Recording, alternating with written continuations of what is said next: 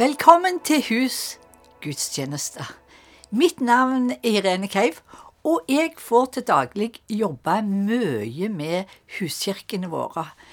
Og jeg er så begeistra, for jeg er der som får ta imot så mange nydelige vitnesbyrd om hvordan folk lever hverdagen sin på skolen, i hjemmene, i nabolaget, ja, rundt omkring. De vil være bevisste etterfølgere av Jesus i denne tida. Og kanskje enda mer da blir det synlig. Hadde en telefon fra ei som eh, går i huskirka, som fortalte at på skjærtorsdag så hadde de innkalt til nattvær, de som gikk i huskirka, med retningslinjer som vi vet om smittevern. Men det hadde betydd så utrolig mye for henne, fordi hun var alene og kjente bare hvordan hun hadde en familie i huskirka si som ikke glemte henne i påsken. Der de fikk takke Jesus og be for hverandre og bare oppleve påskens budskap. Det underlige er jo at vi møter folk fra hele Norge. Folk ringer inn og spør om vi kan be for dem, for de er syke, eller det er ting som pågår i familien. Ja, jeg får inn til spørsmål. Jeg tror jeg har fått ti spørsmål fra hele landet der de spør om de kan få lov å være med i huskirka, fordi at de har ikke noe fellesskap. Så siden det går på digitalt, så lurer de på om de kan få lov å være med. Og det er fantastisk å vite at budskapet vårt når ut. Og så har jeg en gilde ting å si, og det var det at fengselspresten ringte og spurte Jeg har et enormt behov for å få hjelp til en familie som har så lite nettverk. Og så tenkte jeg på dere i Imi og som driver Godhet. Kan dere hjelpe oss? Du, vet du hva jeg gjør? Jeg tar én telefon, og så tar lederen i den huskirka sine telefoner. Og så ringer han tilbake i går kveld og sier vet du hva, vi tar hele det prosjektet. Vi fordeler det, og vi vil bety en forskjell. Takk Gud for vi har mennesker som vil bruke tida si, hendene sine, munnen sin og føttene sine til å bety en forskjell i mennesket sitt liv. La oss be. Takk, Jesus, for at det er sammen med deg og sammen med hverandre vi får erfare din kraft og ditt nærvær og din lengsel etter å bety en forskjell i hverandre sitt liv og i andre sitt liv. Jesus, jeg takker deg for det at det er ikke noe lockdown i ditt rike. Nei, Jesus, vi ønsker bare å vise tydeligere og tydeligere som menighet at du er veien, sannheten og livet. Amen.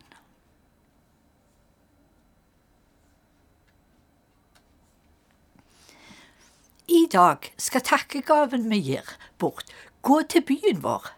Nærmere bestemt Alternativ til voldsenteret i Stavanger. De gir hjelp til mennesker i Stavanger, Sandnes, Sola, Strand, Klepp, Kvitsøy og Time. Det er et lavterskeltilbud for voksne som ønsker å slutte å bruke vold mot partneren eller barna, og for voksne og barn som er blitt utsatt for vold i nære relasjoner. Vår takkegave skal bringe håp og glede ved at vi får utstyr, får gi de utstyr og ressurser til de barna som er på senteret. Øremerke barna. La oss gi raust og glede disse barna som har vært utsatt for så vonde ting.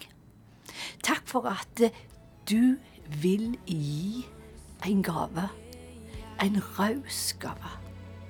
Nummeret du vippser inn, er 11 åtte, tre, fem.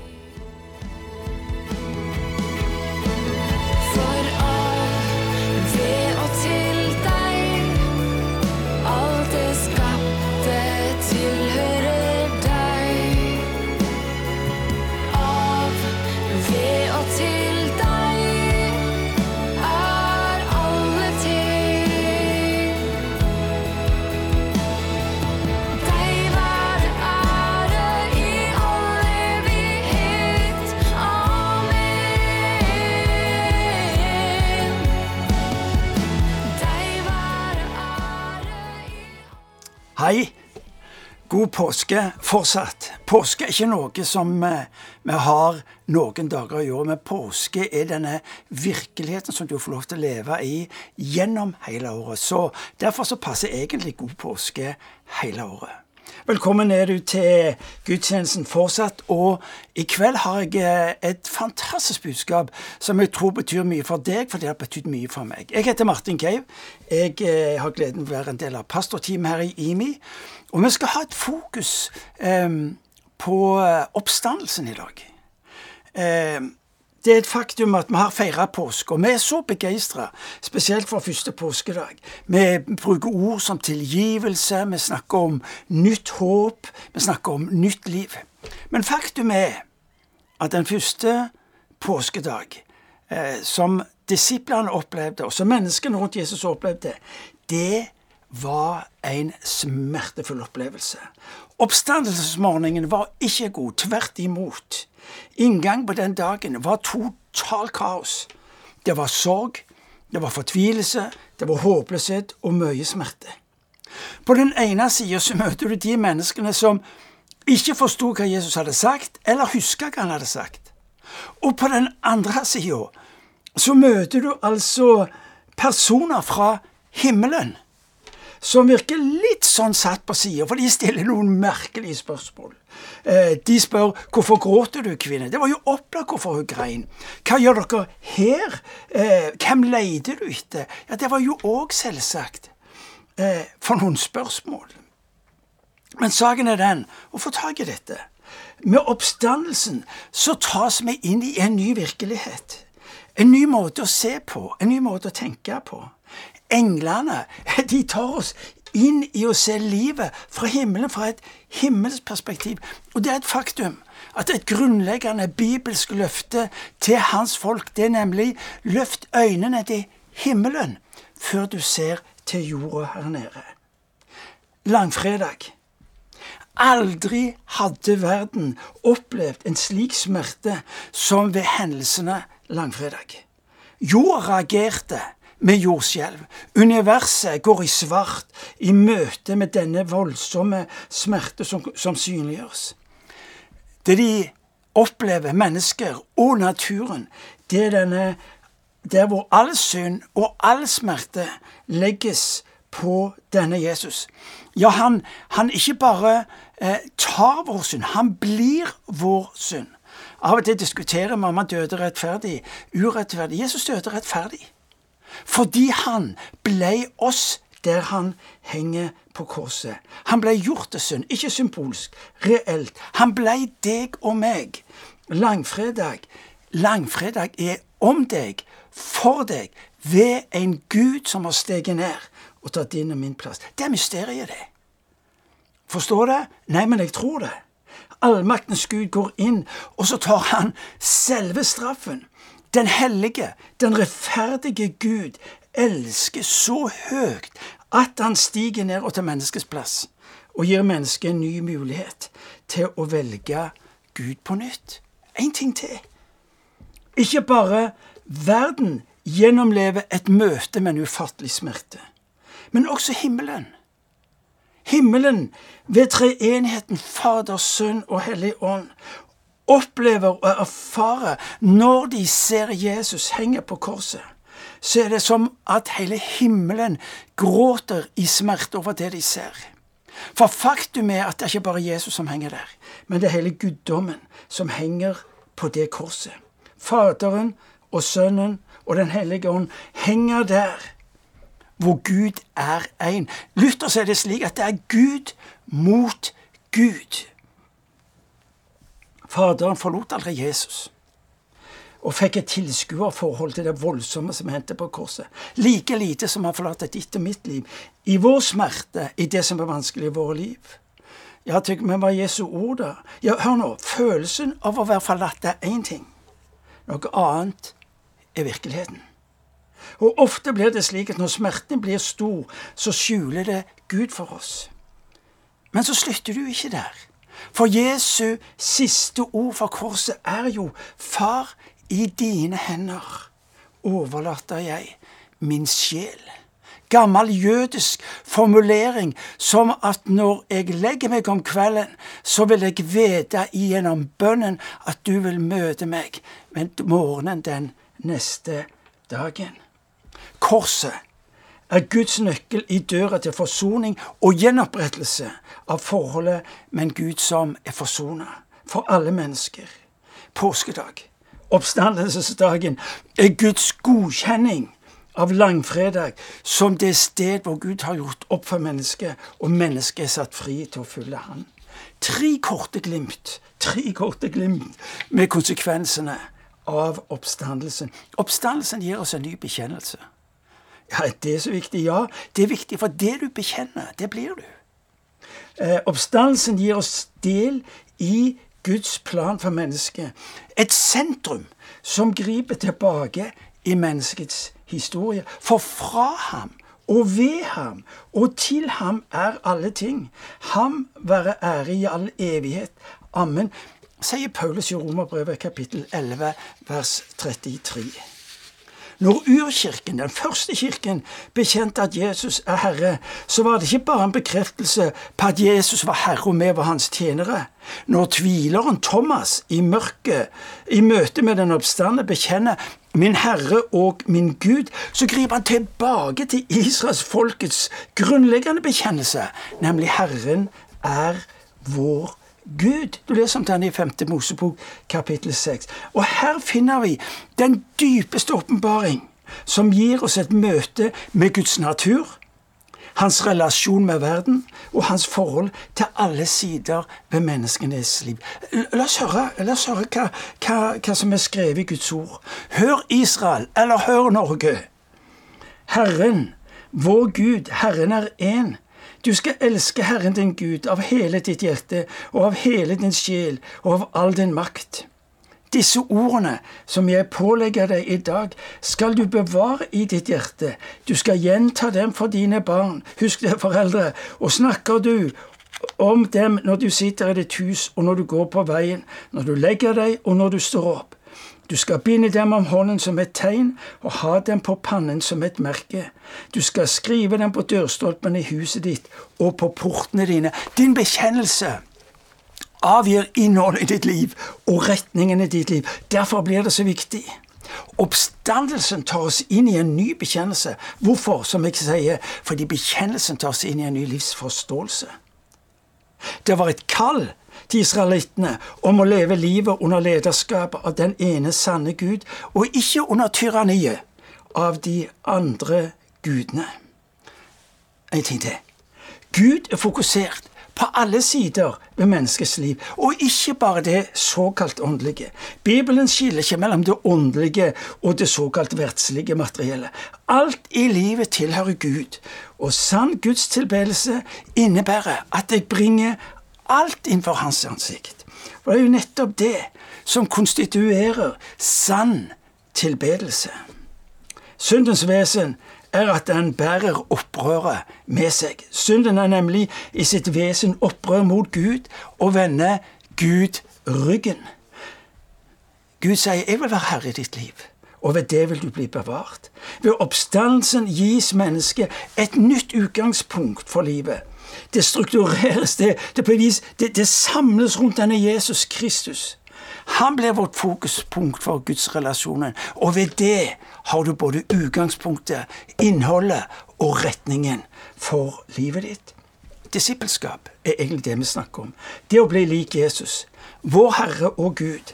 Og det er selve kirka, på selve kirka sitt fokus og sitt kraftsenter. Eh, oppstandelsen gir oss en ny bekjennelse. Det andre det gjør, det er at oppstandelsen gir oss nytt liv. Oppstandelsen er begynnelsen på det nye livet. Fred være med dere, sier Jesus når han møtte de eh, fortvilte disiplene. Som Far har sendt meg, sender jeg dere. Ta imot Den hellige ånd. Hva er det som skjer? Du blir del av en bevegelse som starta i Guds hjerte. For et perspektiv! Eh, du blir en del av Guds bevegelse som starter Guds hjerte mot mennesket. Den samme misjonale, misjonale eh, eh, kjærlighetskraft som førte den treenige Gud til mennesket, fører nå mennesket samme vei mot andre mennesker. Som en del av et nytt folk. Det nye livet gir oss del i et nytt folk. Ikke de perfekte, de som fikk det til, men de som trodde og vågte å satse på Gud. De som hadde vendt seg mot Gud for å motta fra ham livet og nåden. Du ser det omvendelse. Det er å snu seg mot Gud. Vi har gjort det til ei syndegreie, men poenget og hovedfokuset omvendelse er egentlig å snu seg mot Gud og ta imot det han gir. Tenke, handle som Gud. Igjen, la Gud få lov til å være Gud i livet ditt. Det var dette som kjennetegner mennesker fra begynnelsen av, og som kjennetegner Jesu liv. Bekjennelsen er nettopp bekjennelsen om at Gud skal være Gud i ens liv. Så jeg holdt på å si slipp han inn, og la han få lov til å være Gud i livet ditt. Og så går det 50 dager etter denne påskedagen. Så kommer pinse. Kraften til å fullføre det nye livet med betydning for andre. Og så det siste. Om oppstandelsen gir oss nytt mål. Oppstandelsen er en påminnelse om evigheten. Innslag av englene sier mest av alt mye om et spesielt nærvær av himmelen.